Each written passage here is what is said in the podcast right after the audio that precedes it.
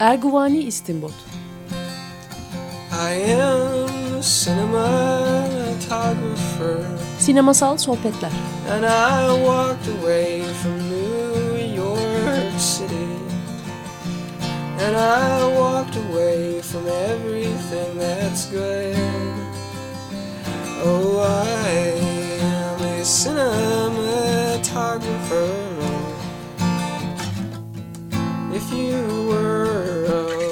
Hazırlayan ve sunan Cüneyt Cebenayak.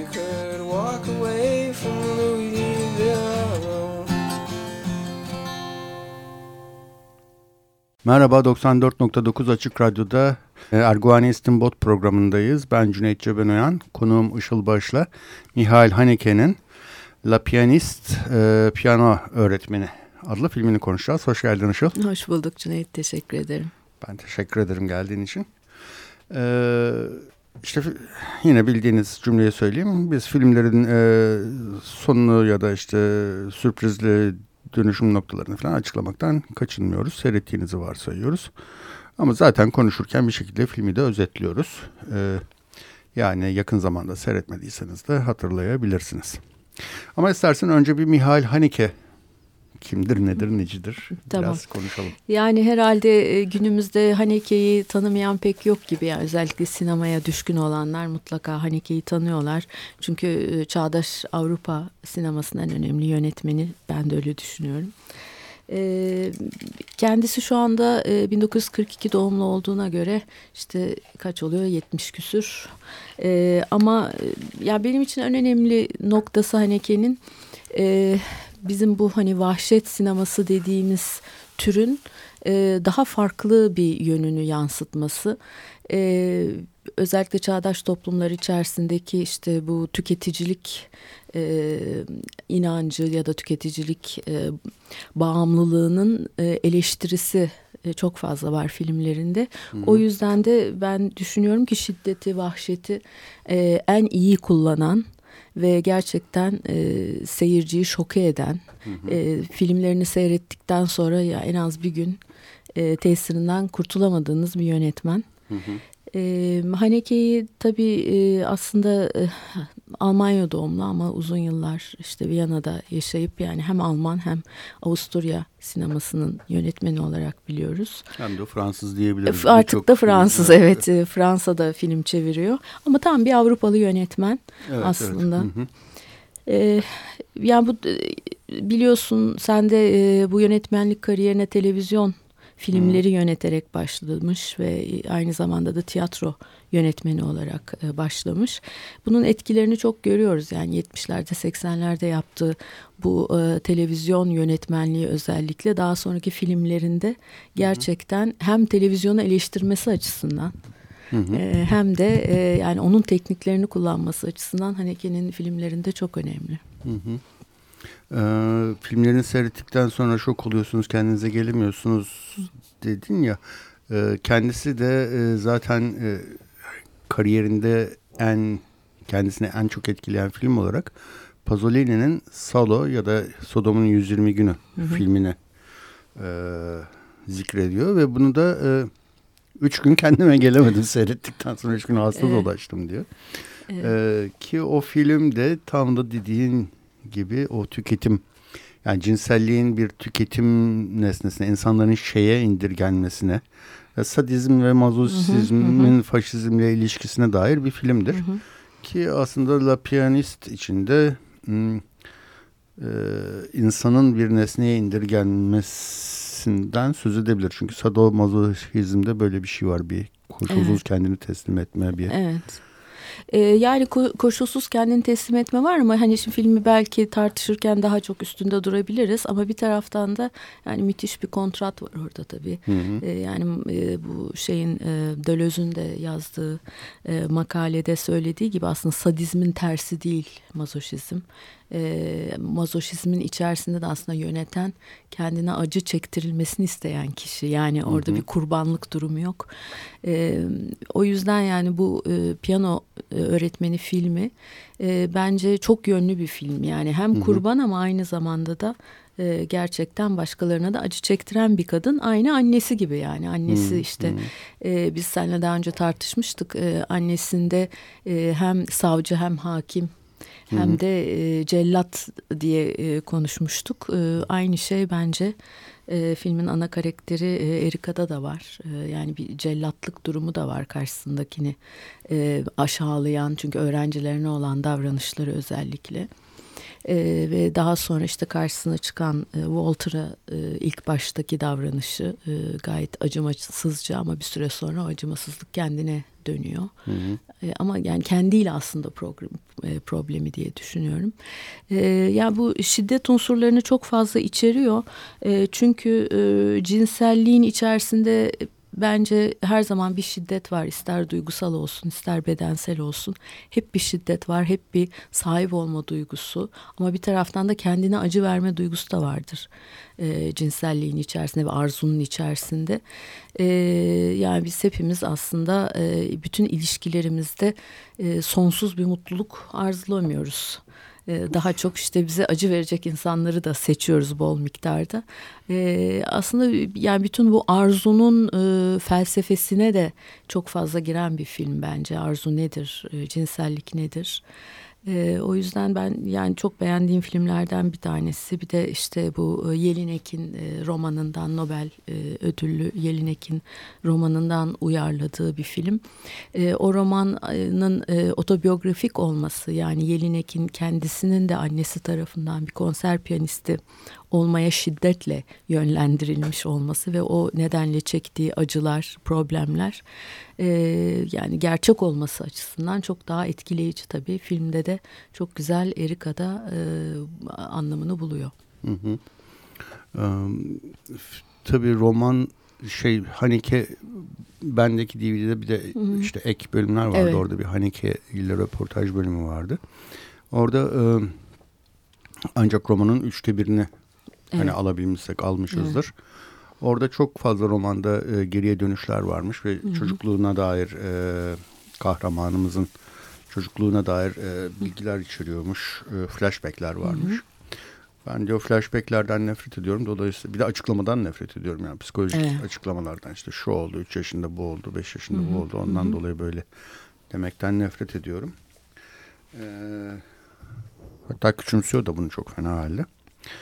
Ee, ve o yüzden onları çıkartmış. Başka şeyler de değiştirmiş ama anladığım kadarıyla mesela bir anne kız ilişkisi daha koymuş evet, o, o evet, anayla. öğrencinin. Hmm.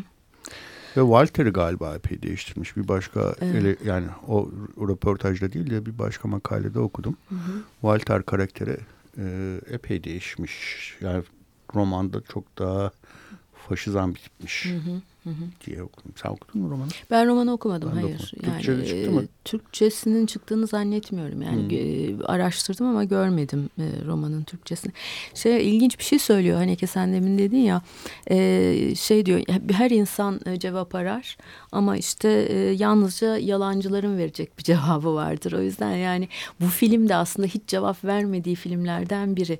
Hı hı. Yani sen de dedin ya Yelinek aslında çocukluğuna dönüyor ve belki neden öyle davrandığının nüvelerini veriyor bize hı hı, ama hı. E, Haneke hiçbir filminde e, şiddetin nedenini anlatmaz ki bize. Yani şiddetten başlar hep. Hı hı hı. Ve e, sonunda da filmin aslında bu şiddetin tam olarak nereden kaynaklandığını tabii ki yani bir tüketim toplumunun getirdiği bir şiddet var ama onun dışında insanın şiddete yönelmesinin nedenlerini, kişisel nedenlerini hiçbir zaman açıklamaz bize. Hı hı. Yani işte o şey e, ilk filminde yedinci kıta mesela yani niye bütün aile intihar eder? Hı hı. E, evet belki bir bıkkınlık var hayatlarının e, sürekli olarak aynı şekilde geçmesi ama onların çocukluklarında bir şey var mıydı yaşadıkları ya da işte karı koca arasında bir sorun var mıydı? Ya bunların hiçbir zaman bize cevabını vermiyor. Direkt olarak şiddetle başlıyoruz. Hı. Ee, o yüzden yani bence bu soruların cevabını vermemesi ve seyirciye bırakması aslında seyirciyi daha da şok eden bir şey. Çünkü biz neden bulduğumuz zaman rahatlarız. O nedenleri vermediği için böyle nedensiz bir şiddet aslında daha sarsıcı diye düşünüyorum. Piyano öğretmeninde de o var. Yani e, senin dediğin gibi romanda varmış ama e, şeyde filmde yok. Hı hı. Belli bir yerden başlıyor film. Doğru. Ama peki bu nedensizlik yani tamam hani şundan ben de hiç hoşlanmam. İşte e, basite indirgeyerek işte aynı babası ona tokat atmıştı ya da ırzına geçmişti ondan. Şimdi, ama bunun da bir gerçekliği vardır. Ama tek bir nedene indirgemek her zaman Tabii. yani indirgemecilik olur sonuçta. Hı-hı. Yani çok daha karmaşıktır insan psikolojisi Hı-hı. ve hepsini bir yere e, bir filmde ya da bir romanda anlatmak mümkün olmadığına göre. Ama bunların hepsinden de vazgeçmek yani anlatamayacağıma göre vazgeçeyim de bana biraz sorunluymuş gibi geliyor. Çünkü bir nedensizlik, bir şiddetten başladığımız durumda şiddet çok metafizik, çok hı hı. E, e, yani insan doğasına özgü bir şey haline gelir hı hı, ve hı. E, orada da yapacak pek bir şey yoktur. Yani hani şiddetten e, kurtulmanın ya da şiddeti azaltmanın en azından tamamıyla kurtulmaktan belki söz etmek saçma da bir yolunu, yöntemini aramak da o zaman biraz beyhude olabilir. Evet, şimdi tabii orada şunu sormak lazım bence. Yani sanatçının ya da yönetmenin işte bu sinemada olsun, tiyatroda olsun şimdi yani geriye dönüp um, insanın doğasında şiddet var mı dersek evet var. Hı hı. E ben işte yine seninle daha önce konuşmuştuk bu Freud'un ölüm içgüdüsü e, meselesine çok inanıyorum yani bir ölüme dair bir arzu ve bunun şiddetle e, ancak dile getirilmesi meselesi bence çağdaş sanatın, çağdaş tiyatronun ve filmin en önemli meselesi. E, çünkü e, şiddet ancak e, ölüm şiddetle e, belki e, bir dil kazanabiliyor. Onun dışında pek anlatamıyoruz ölümü. Çünkü hiç kimse kendi ölümünü ölmüyor. E, hep başkalarının ölümünü öldüğü için yani ölüme dair aslında çok fazla bilgimiz yok bizim. E, bu nedenle de belki işte şiddet tiyatrosu, şiddet sanatı bunlar e, belki bir ifadesi olabilir. Ama yani bunu ifade ederken şunu sorabiliriz. Şimdi sen demin dedin ya o zaman buna nasıl engel olabiliriz? Yani böyle bir misyonu var mı acaba sanatçının? Yani engel olma gibi hmm. yoksa e, var olanı mı e, göstermeye çalışıyor, yeni bir dil mi yaratmaya çalışıyor? Yani bundan sonra insanlar onunla ne yapar? Çok meselesi değil herhalde sanatçıların hmm. ya da yönetmenlerin diye düşünüyorum.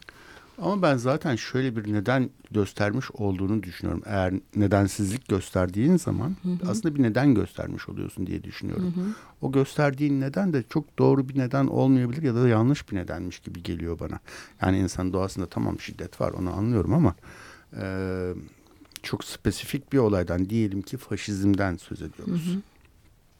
Ki bu beyaz bant evet. bundan söz eder. Evet. Mesela o spesifik şiddeti anlatırken tarihsel bir dönemde, tarihsel bir coğrafyada neyse hı hı. oluşmuş belirli bir sistemin ürünü olan e, politik, ideolojik bir şeyden söz ederken e, onu mesela ne yapıyor? Bir şekilde aslında açıklıyor da bence bir köy mikrokozmozunda hı hı. E, mülklülerle mülksüzler da var ama böyle daha çok ta oradaki çocuklardan başlayan bir şiddetle açıklıyor. Evet. O çocuklar kendi işlerinde örgütleniyorlar, birilerine işkence yapıyorlar, kendi işlerinde örgütleniyorlar, evet. bir atın devrilmesine neden oluyorlar işte görünmez bir tel çekiyorlar falan.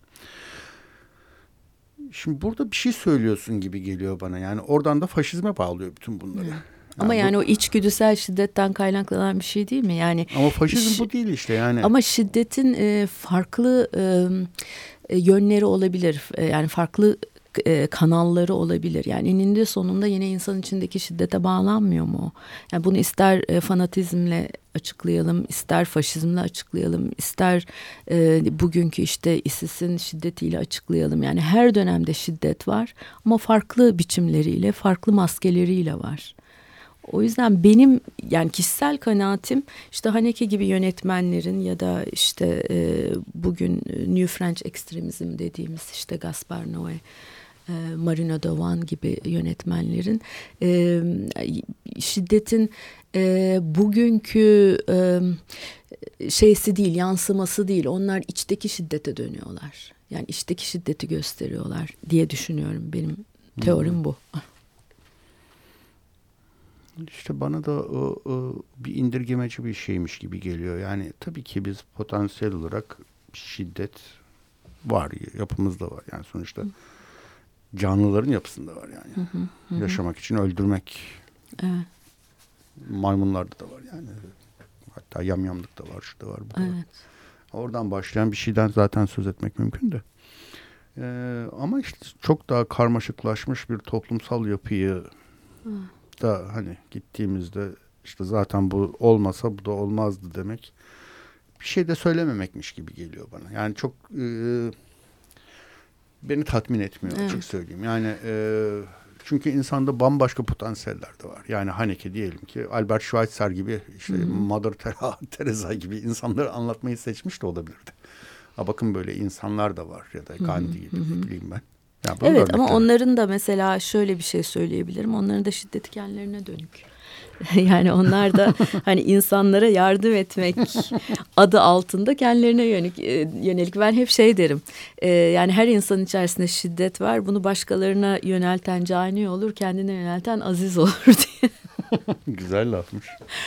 E, o yüzden yani bilmiyorum benim kişisel olarak kanım e, bu yönetmenlerin e, yani şiddete bir takım nedenler belki sunuyorlar. İşte şeyde Beni'nin videosunda yaptığı gibi Haneke'nin yani müthiş orada da sürekli bir televizyon kültürünün içerisinde büyüyen dışarıyı bile penceresinin dışarısını bile değil mi bir monitör yoluyla izleyen bir çocuk var orada. Hı hı. Ee, sonra işte bir şekilde bir hiç tanımadığı bir küçük kızı evinde öldürüyor. Ondan sonra anne babanın o kızın cesedini yok etme çabalarını izliyoruz.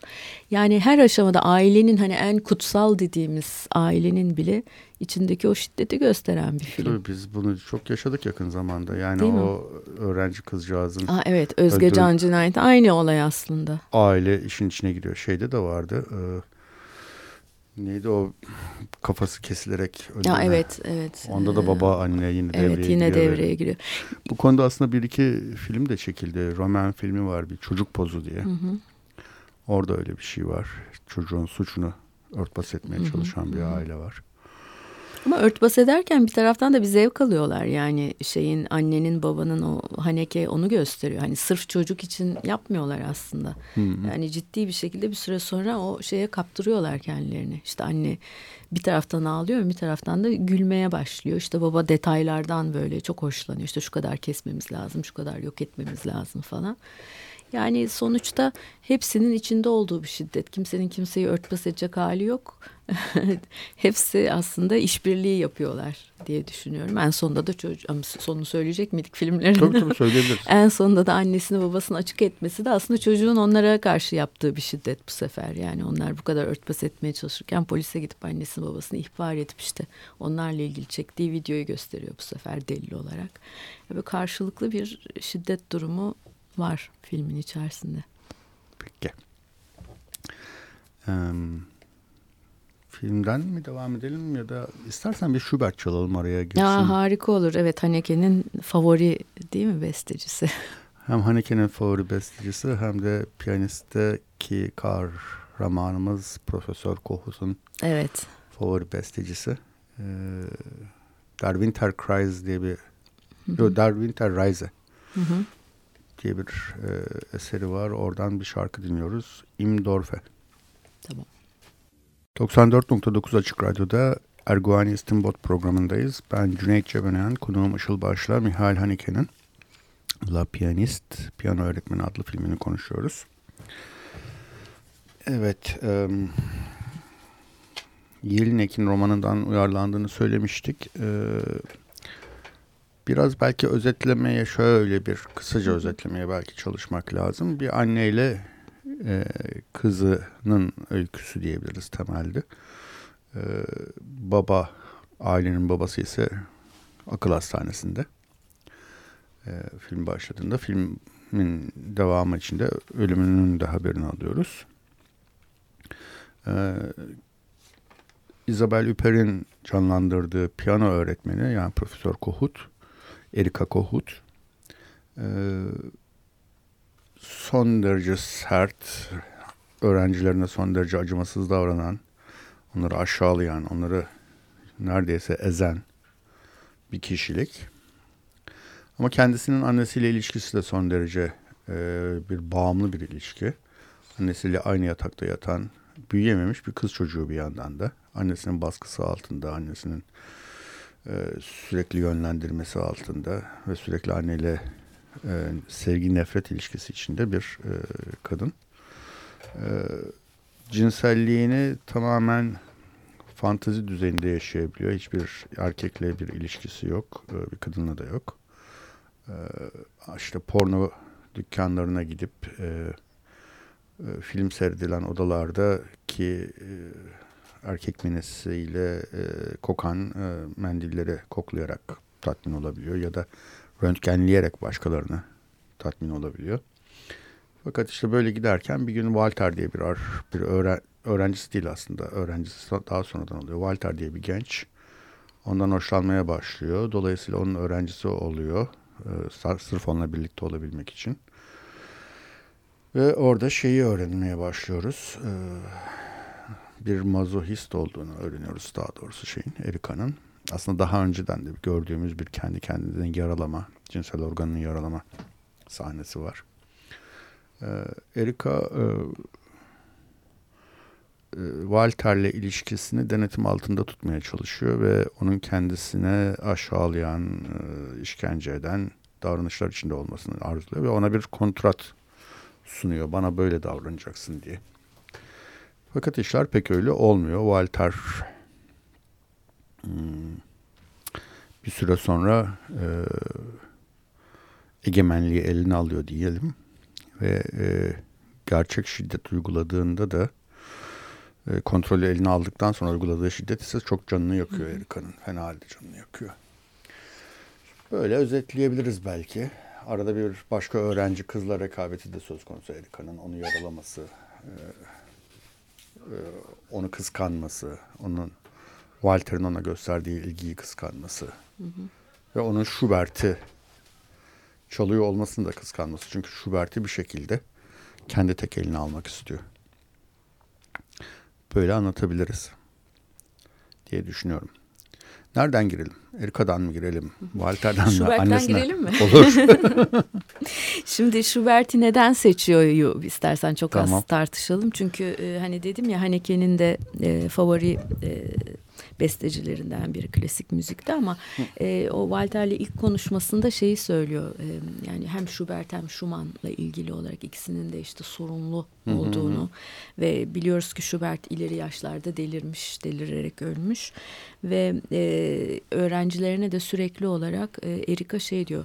E, Schubert'in e, anarşisini önce özümseyin Ondan sonra ancak Schubert'i çalabilirsiniz diyor. Yani işte bu akıl dışılık, ruhun karanlıkları aslında Schubert'in müziğinde çok var. O yüzden hı hı. Erika için çok uygun bir hı hı. besteci. Çünkü o da aynı şekilde yani e, belki iğrencin yani Kristeva'nın dediği iğrencin alanında dolaşan ne öyle ne böyle böyle aralarda sınırlarda dolaşan bir kadın. E, bu Kohut ismi de tabii e, tesadüfi değil. E, Haneke'nin Kohut'u kullanması işte Avusturyalı Freud'dan sonra gelen en önemli e, psikanalitik e, uzmanlardan Heinz Konut e, bu kimliğin oluşumu hakkında çok yeni teoriler oluşturuyor. Ve işte bu seksüel içgüdü ve şiddet içgüdüsünü Freud'dan sonra yine e, en fazla betimleyen e, araştırmacı. O yüzden soyadlarının kohut olması bence işte bu üst benlik alt benlik meselesi benliğin nasıl oluşturulduğuna dair ipuçlarının filmde olması nedeniyle var. Hmm. E, Erika'nın işte aynı Kohut'un da kendi teorilerinde söylediği gibi hatta Freud'un da söylediği gibi bir üst benliği bir alt benliği var. Yani üst benliği senin de özetlediğin gibi son derece saygıdeğer, disiplinli, e, işte işinden başka bir şey düşünmeyen, evinden çok fazla çıkmadığı düşünülen bir e, soluk pastel renkler. Evet, soluk pastel renk, saçı sürekli olarak toplu. Ondan sonra böyle e, yani toplumca çok kabul edilebilir bir ve hatta saygı duyulur bir karakter ama bir de onun bir alt kimliği var. O alt kimlik ise tam tersine yani 180 derece tersine bir karakter. O da işte porno dükkanlarına gidip orada e, porno filmler izleyen, e, açık hava sinemalarında arabaların içinde sevişen çiftlerle tatmin olan, işte kendi kendini kesen senin dediğin gibi sadomasokistik ilişkiler içerisinde olmayı yeğleyen bir alt kimlik. Şimdi bu ikisinin çatışması var aslında filmde. Hı hı. Ve bu ikisinin çatışması bir taraftan bize şeyi de tabii sorgulatıyor. Yani e, biliyorsun postmodernizmin en önemli getirilerinden bir tanesi e, sanat alanında da acaba bir yüksek sanat var mı? yoksa popüler sanatta, popüler kültürde bir yüksek sanat olabilir mi? Hmm. aynı şey burada da var yani kendisi yüksek sanatın bir parçası değil mi? Hmm. Klasik müzik toplumda en saygın e, sanat biçimlerinden bir tanesi ve onun icracısı ve hmm. onun hocası. Hmm. Ama öbür taraftan da e, yani bütün o e, kullandığı müziği e, başka amaçlar için değil mi? Kendi alt benliğinin o sorunlarını hı hı. E, ortaya koymak ve hatta onları tatmin etmek için kullanıyor. Hı hı. Dolayısıyla bu hani alt kimlik, üst kimlik, üst sanat, alt sanat e, bu sınırları da zorlanıyor. O yüzden iğrencin alın dedim yani Kristeva'nın söylediği işte ne obje ne subje ikisinin arasında böyle bir jöle gibi akışkan bir kimlik e, ve o kimlik e, aslında bütün işte filmin sonundaki şiddeti de getiriyor. Çünkü yani Walter'a sen de demin dedin ya yani Walter bir süre sonra ele geçiriyor aslında e, kontratı tamamen ele geçiriyor. Aslında istediği buydu. Yani sen bana hakim oldu ama mazoşizmin içerisinde o yok işte. Mazoşizmin içerisinde aslında Tabii. yani acıyı veren, şiddeti gösteren kişi yine de köle. Tabii. Ama burada tam tersi oluyor yani e, sadist oluyor Walter ve Wol, e, sadistin kurbanı haline geliyor tabii, Erika. Tabii. Tecavüz ediyor yani evet, artık o kontrat ediyor. içi bir şey değil e, yaptıkları. Kontrat değil ve bundan rahatsız oluyor. Yani istediği şey olduğu anda çünkü kontrat değişti. Hı hı. Artık olduğu istemediği anda şey yok. Artık istemiyor yani tecavüzden son derece yani zevk alması gerekirken kendi kontratına göre. Hatta işte anneme annemi ciddiye alma diyor. Annesini Walter kapadığı zaman işte niye kapadın gidiyor annesini kurtarmaya çalışıyor. Hı hı. Yani kontratında yazdığı aslında şeyler gerçekleştiği anda bakıyor ki gerçek hayat böyle değil. Yani hayalindeki o e, mazoşistik ilişki gerçekleştiği anda, sadizme döndüğü anda e, bundan rahatsız oluyor. Yani o yine ikileminin bir parçası. Yani ne istediğini de çok fazla hmm. bilen birisi değil.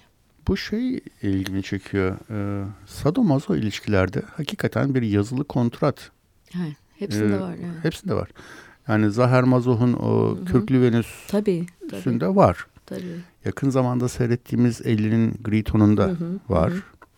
E, bu filmde var. E, bunlar yazılı bayağı sanki hukuki metinler e, ilişkiye konuluyor ve e, hı hı. onun uygulanması, o sınırlar, çerçeveler çiziliyor. Evet, sınır, dediğin gibi sınırın çizilmesi çok önemli. Yani isteyen istediğini yapamıyor. Çünkü çok riskli bir alan değil mi? Tabii. Yani e, bana acı ver ama o acının kontrolden çıkması durumunda ölmesi de söz konusu olabilir. Tabii. Çünkü öznelerden birini. Evet. Ve herhalde onun için o kontrat şart mı? Şart evet bir de mesela şey var yani aralarında bir takım şifreler var işte hani belli bir sözcük söylendiği zaman şiddeti durdur. Ama hmm. o şey dur demek değil çünkü duru şey olarak algılıyorlar. Hani devam et. Evet. Ama yani ne bileyim işte yani kırmızı dediğin anda dur. Hı hı hı. E, aralarında böyle bir şi, Zaten şifre var. Zaten Erika'nın e, Walter bize okuyor ya. Metni. Evet, evet. Orada yazıyor işte kemeri çok sık. Evet. Çok sıktın dersem üç delik daha sık falan. Ha, evet, evet. Yani e, aslında dilin de getirdiği bir şey var değil mi? Aradaki o kontrat dil üstüne ve o dilin e, nasıl kullanılacağına, nasıl kullanılması gerektiğine dair ya dilin nuanslarıyla da ilgili e, bir başka kontrat yazılıyor orada. Şöyle dersen bunu yap, böyle dersen bunu yapma. Yani hmm. dil de bizim bildiğimiz anlamlarında değil artık. Dil de tamamen iki kişi arasında yaratılan yeni bir dil oluyor. Evet, evet. E, mazoşistik haklısın. ilişkilerde. Hmm. E, ben iki üç gün önce başka bir gene böyle kontrat meselesi. Bu Polonski'nin tabii Kürklü Venüs'ünü de hmm. seyretmişsindir eminim. Orada da işte iki farklı alanda aynı temanın işlenmesi vardı. O çok müthiş bir film. E, yine bununla ilgili bir şey okurken şey gördüm. Mesela yine dediğin gibi sürekli bir kontrat var ve kontratın bir yerinde e, kimdi tam hatırlamıyorum yani hangi yazarındı şey diyor. Yani bana istediğin gibi bir tokat atabilirsin, vurabilirsin ama yüzüme çok fazla vurma. E, çünkü çürürse ben yarın işe gitmek zorundayım. Yani hem böyle şeyin gerçekliğin dışına çıkma ama bir taraftan da o gerçeklikte kendini koruma da var. Hı hı hı. O yüzden kontrat çok önemli. E, sürdürülebilir yani. bir şey olması için evet. e, şiddetin kontrollü yaşanması gerekiyor. Tabii. Evet yani öyle tamamen de ilkel e, güdülerle yapılan hı. bir şey değil. Yani hı. bayağı kendine özgü bir mantığı olan. Hı hı. E, Zaten bu filmde de Erika bir aşamada şey diyor. Elime ve yüzüme vurma diyor. Evet, evet elleri özellikle çok Tabii. önemli bir piyanist olarak. Tabii. Evet yani nereye kadar şiddet? Şiddetin de sınırları var demek hmm, ki. Hmm. Ee, Polans, Polanski dedim. Pasolini bunu biraz şeyde Sado ve e, Salo ya da Sodom'un 120 hı hı. gününde e, hem faşizmle özdeşleştiriyor hem de hı hı. günümüzün ya da o kendi gününün ama bugünün de gerçeği tabii ki tüketim toplumunun e, bir sonucu olduğunu, insanın da nesneleşmesinin, işte hı hı. cinselliğin nesneleşmesinin, metalaşmasının daha doğrusu öyle olduğunu söylüyor ve o filmde de biraz bunu anlattığını söylüyor. Şey hmm. pardon sözünü kestim ama mesela Sad yani tabii Sad'dan hmm. yola çıkıyor işte e, şeyin Sodom'un 120 günü.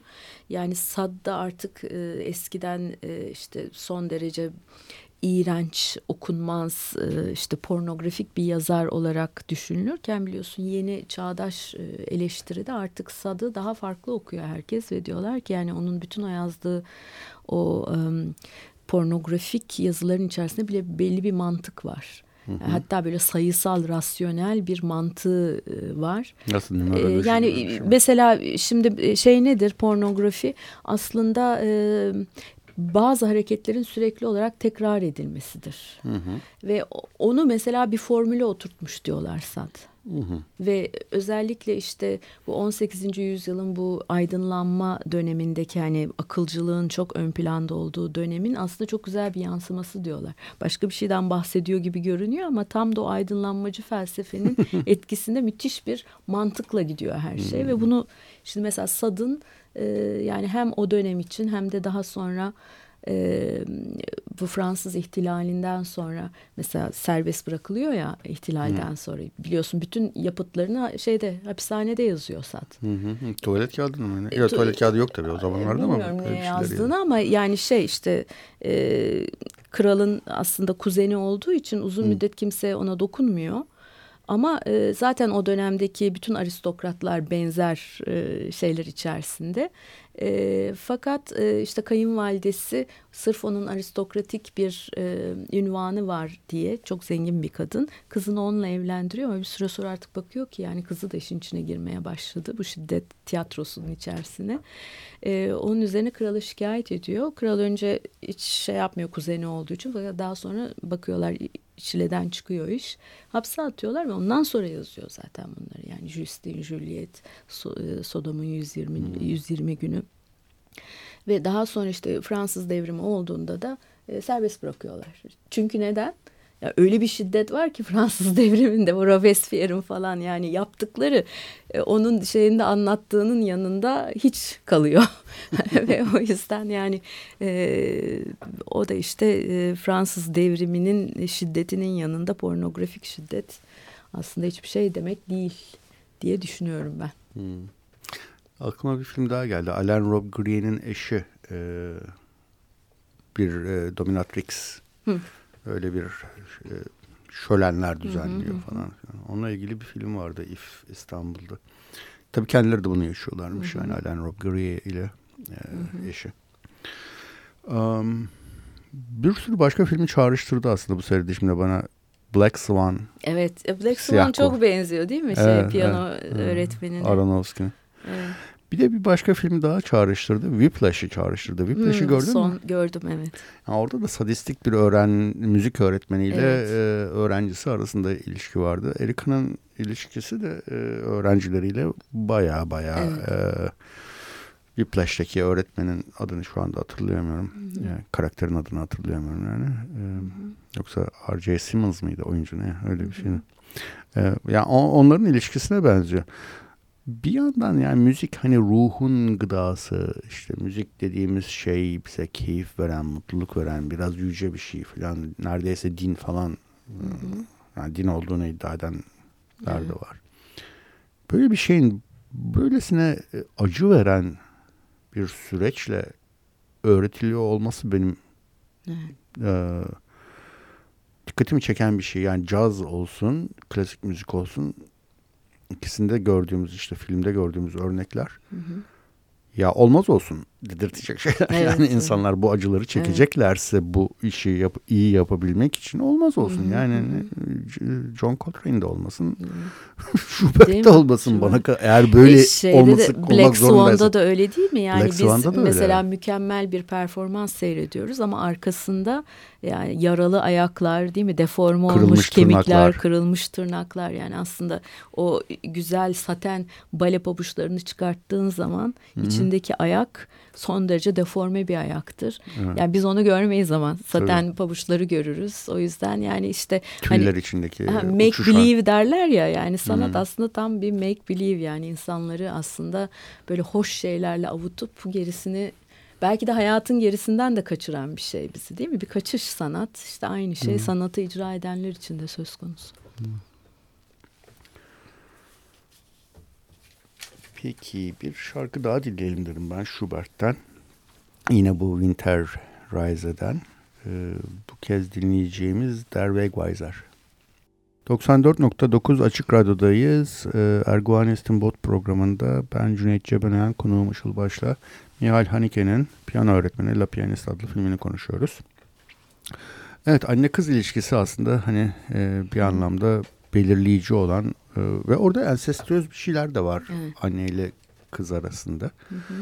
Ee, ben seyrederken onu düşündüm. Bu e, annesini öpmeye kalkıyor. Onun pubic hair saçlarını gördüğünden hı hı. söz ediyor falan. Ee, şey diye düşündüm. Annesi e, güvenli bir şekilde cinselliğini ifade edebileceği belki de korkmadan ifade edebileceği belki yakınındaki tek insan olabilir mi? Hani kendisini her halükarda kabul edecek. Ee, belki dolayısıyla korkmadan bir şey yapabileceği tek kişi olduğu için mi annesine yeniliyor? Çünkü annesinin cinsel bir nesne olarak arzulaması için hiçbir neden yok.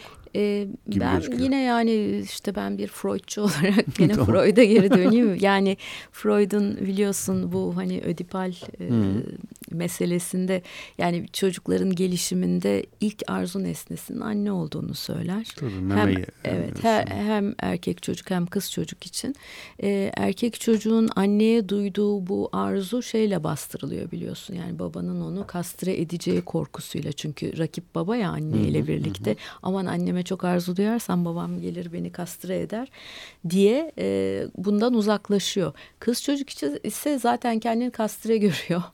Yani e, o da annenin onu hep terk edeceği korkusuyla yaşıyor. Yani e, erkek çocukla kız çocuğun aslında anne ile olan ilişkisi çok benzer ama farklı yönlere gidiyorlar ama bir şekilde e, bundan kurtulmaları gerekiyor. E, sağlıklı bir e, psikolojik duruma ulaşabilmeleri için. Bence Erika oradan uzaklaşmamış. Yani Erika hala e, birinci arzu nesnesi olarak anneyi görüyor. Yani daha çünkü anne o kadar üstünde etkili ki e, anne Erika'nın bir birey olmasına asla izin vermiyor. Hı hı. Kendi hayallerini Erika üstünden gerçekleştirmek istiyor ve maalesef Erika onun umduğu kadar yetenekli değil. Yani sadece bir piyano hocası olabiliyor ama bir hı hı. konser piyanisti olacak yetenek yok e, onun da acısını anne bol bol çıkarıyor aslında. Daha iyi yapmalısın, daha fazla yapmalısın, daha çok çalışmalısın. O yüzden annenin o e, sınırlı e, ortamından mesela ev de sürekli öyle gösteriliyor değil mi? Çok klostrofobik, hep evet. böyle belli e, so, renkler çok soluk. İşte orta sınıf e, yani orta, evet. yoksul değil ama hani evet. E, varsıl da değil. Değiller ama yani evin e, fiziksel ortamı da son derece daraltıcı bir daraltıcı, ortam.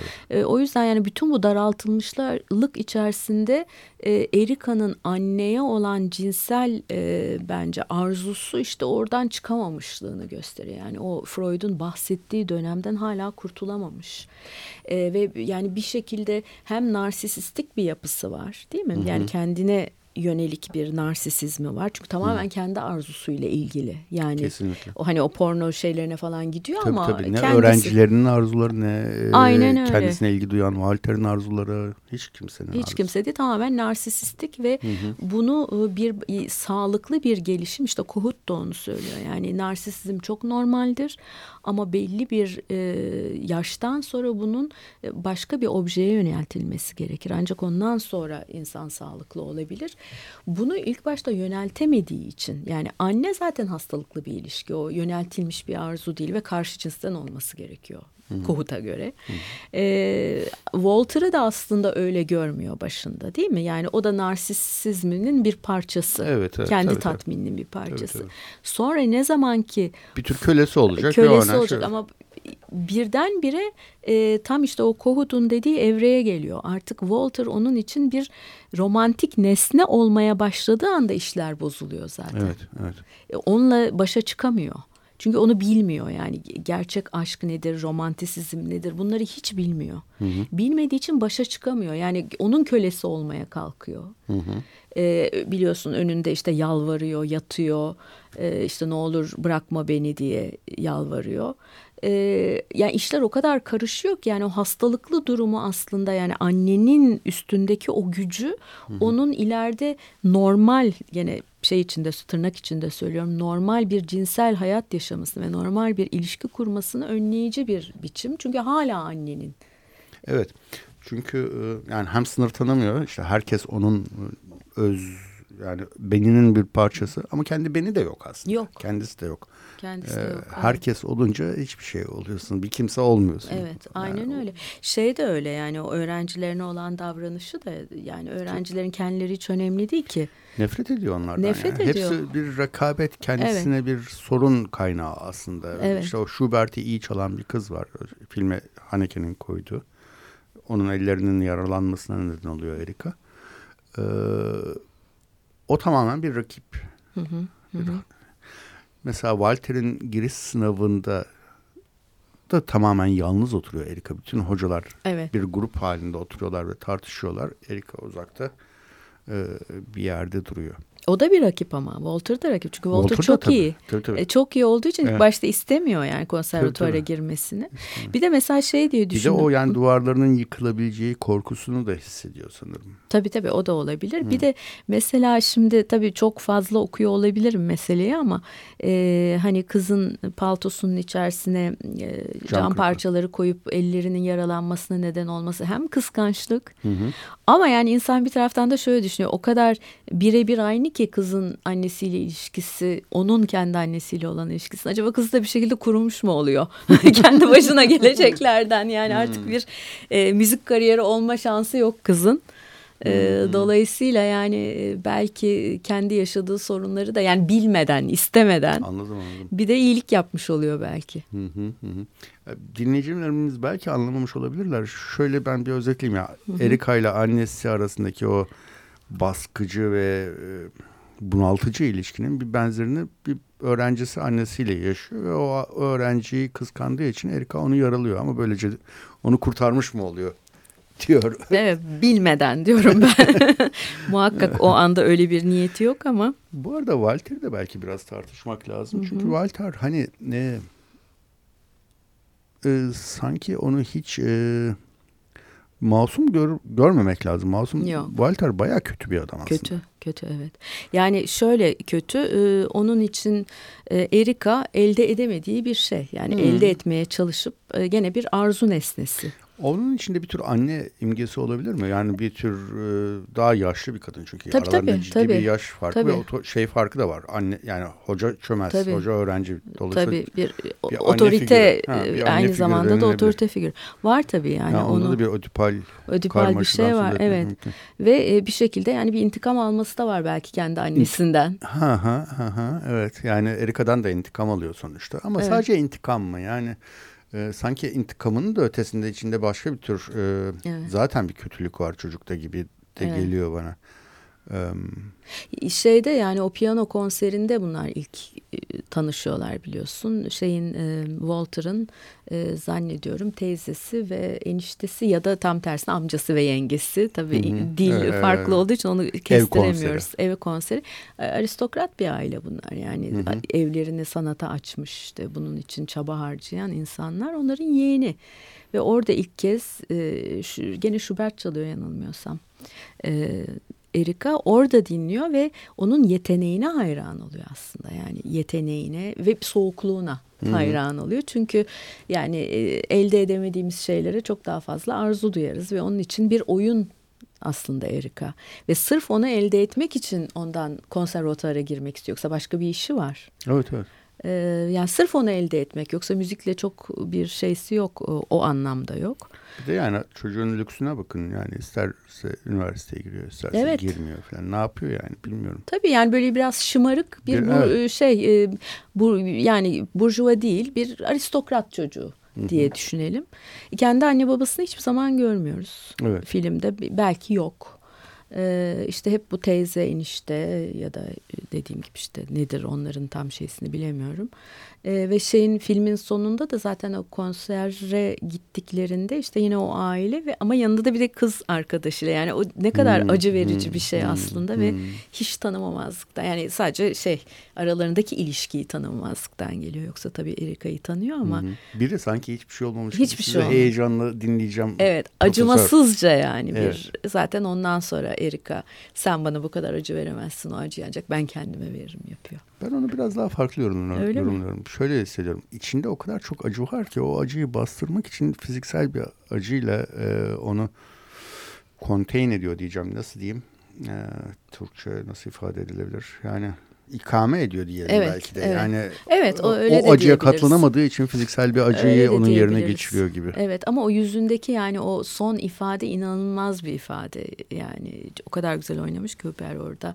Yani Çok. o hayal kırıklığından sonra o şiddeti ve kendine yönelen şiddeti ve sen kendi, senin dediğin gibi belki kendi kendinden de intikam alıyor. Kendi kendi ben kendimi nasıl bu duruma düşürdüm. Hepsi var. Bütün bu duygular var içinde ve onu yüzünden çok güzel okuyoruz sonra da çıkıp gitmesi. Yani orada yere düşüp falan bayılmıyor. Evet, evet. Orada aslında olumlu bir şey mi diye merak ettim ben. Ee, yani bırakıyor. Orada evet, onu bırakıyor. dinlemek için gelmiş bir sürü insanı yüzüstü bırakıp çekip Aynen gidiyor. Aynen öyle. Yani e, gene mesela Haneke'nin filmlerinde o çok var değil mi? Böyle bir şey açık uçluluk hı hı, e, var. Hı hı. E, mesela bu da çok açık uçlu. Ya şimdi eğer hakikaten Yelinek'in romanına gidersek Yelinek yaşamış da bu romanı yazmış değil mi? Sonu evet. öyle. Ama yani burada Haneke ne amaçladı bilemiyoruz. Yani o gidip evde mi ölecek, ölmeyecek hayatına devam mı edecek? Öldürücü bir yara değil bence. Değil gibi ama işte tam böyle kalbinin değil. üstünde Daha şey yapıyor. Evet. Yöresi gibi düşünüyorum. Evet. Ben. Omuzun biraz altı. Evet ama yani işte çok tabii senin dediğin gibi simgesel bir yara Hı-hı. o. Simgesel bir yaralanma. Ve işte bir şeylerin sonu mu? Hı-hı. Yoksa devam mı ediyor hayata? Hı hı hı. Ama konsere çıkmıyor yani. Konserde konsere çıkmaması çıkmıyor. şey demek yani bir şekilde herhalde bırakmış olması demek. E, evet yani son e, görüntüsü sanki eski kimliğine yeniden bürünmüş gibi Soğuk gözüküyordu. Diyorsun. Soğuk Hı-hı. Acımasız. İşte o diğer öğrencisi de geliyor filan annesiyle evet, evet. ona da hiç bakmıyor bile. Eline bile bakmıyor. Ne evet. oldu elin falan diye sormuyor. Yine o eski korunaklı kendisine dönmüş evet. gibi ama orada bir delik açıyor sonra. Bilmiyorum evet, oradan. Bir delik evet oradan işte ne çıkıyor dışarı e, kanla birlikte onu bilemiyoruz. Haneke bize bırakıyor herhalde. Peki çok teşekkür ederim Ben teşekkür ederim. Çok keyifli bir sohbet oldu. Sağ ol. Benim için de öyle inşallah dinleyicilerimiz için de öyle olmuştur. Gelecek programda buluşmak üzere. Hoşçakalın.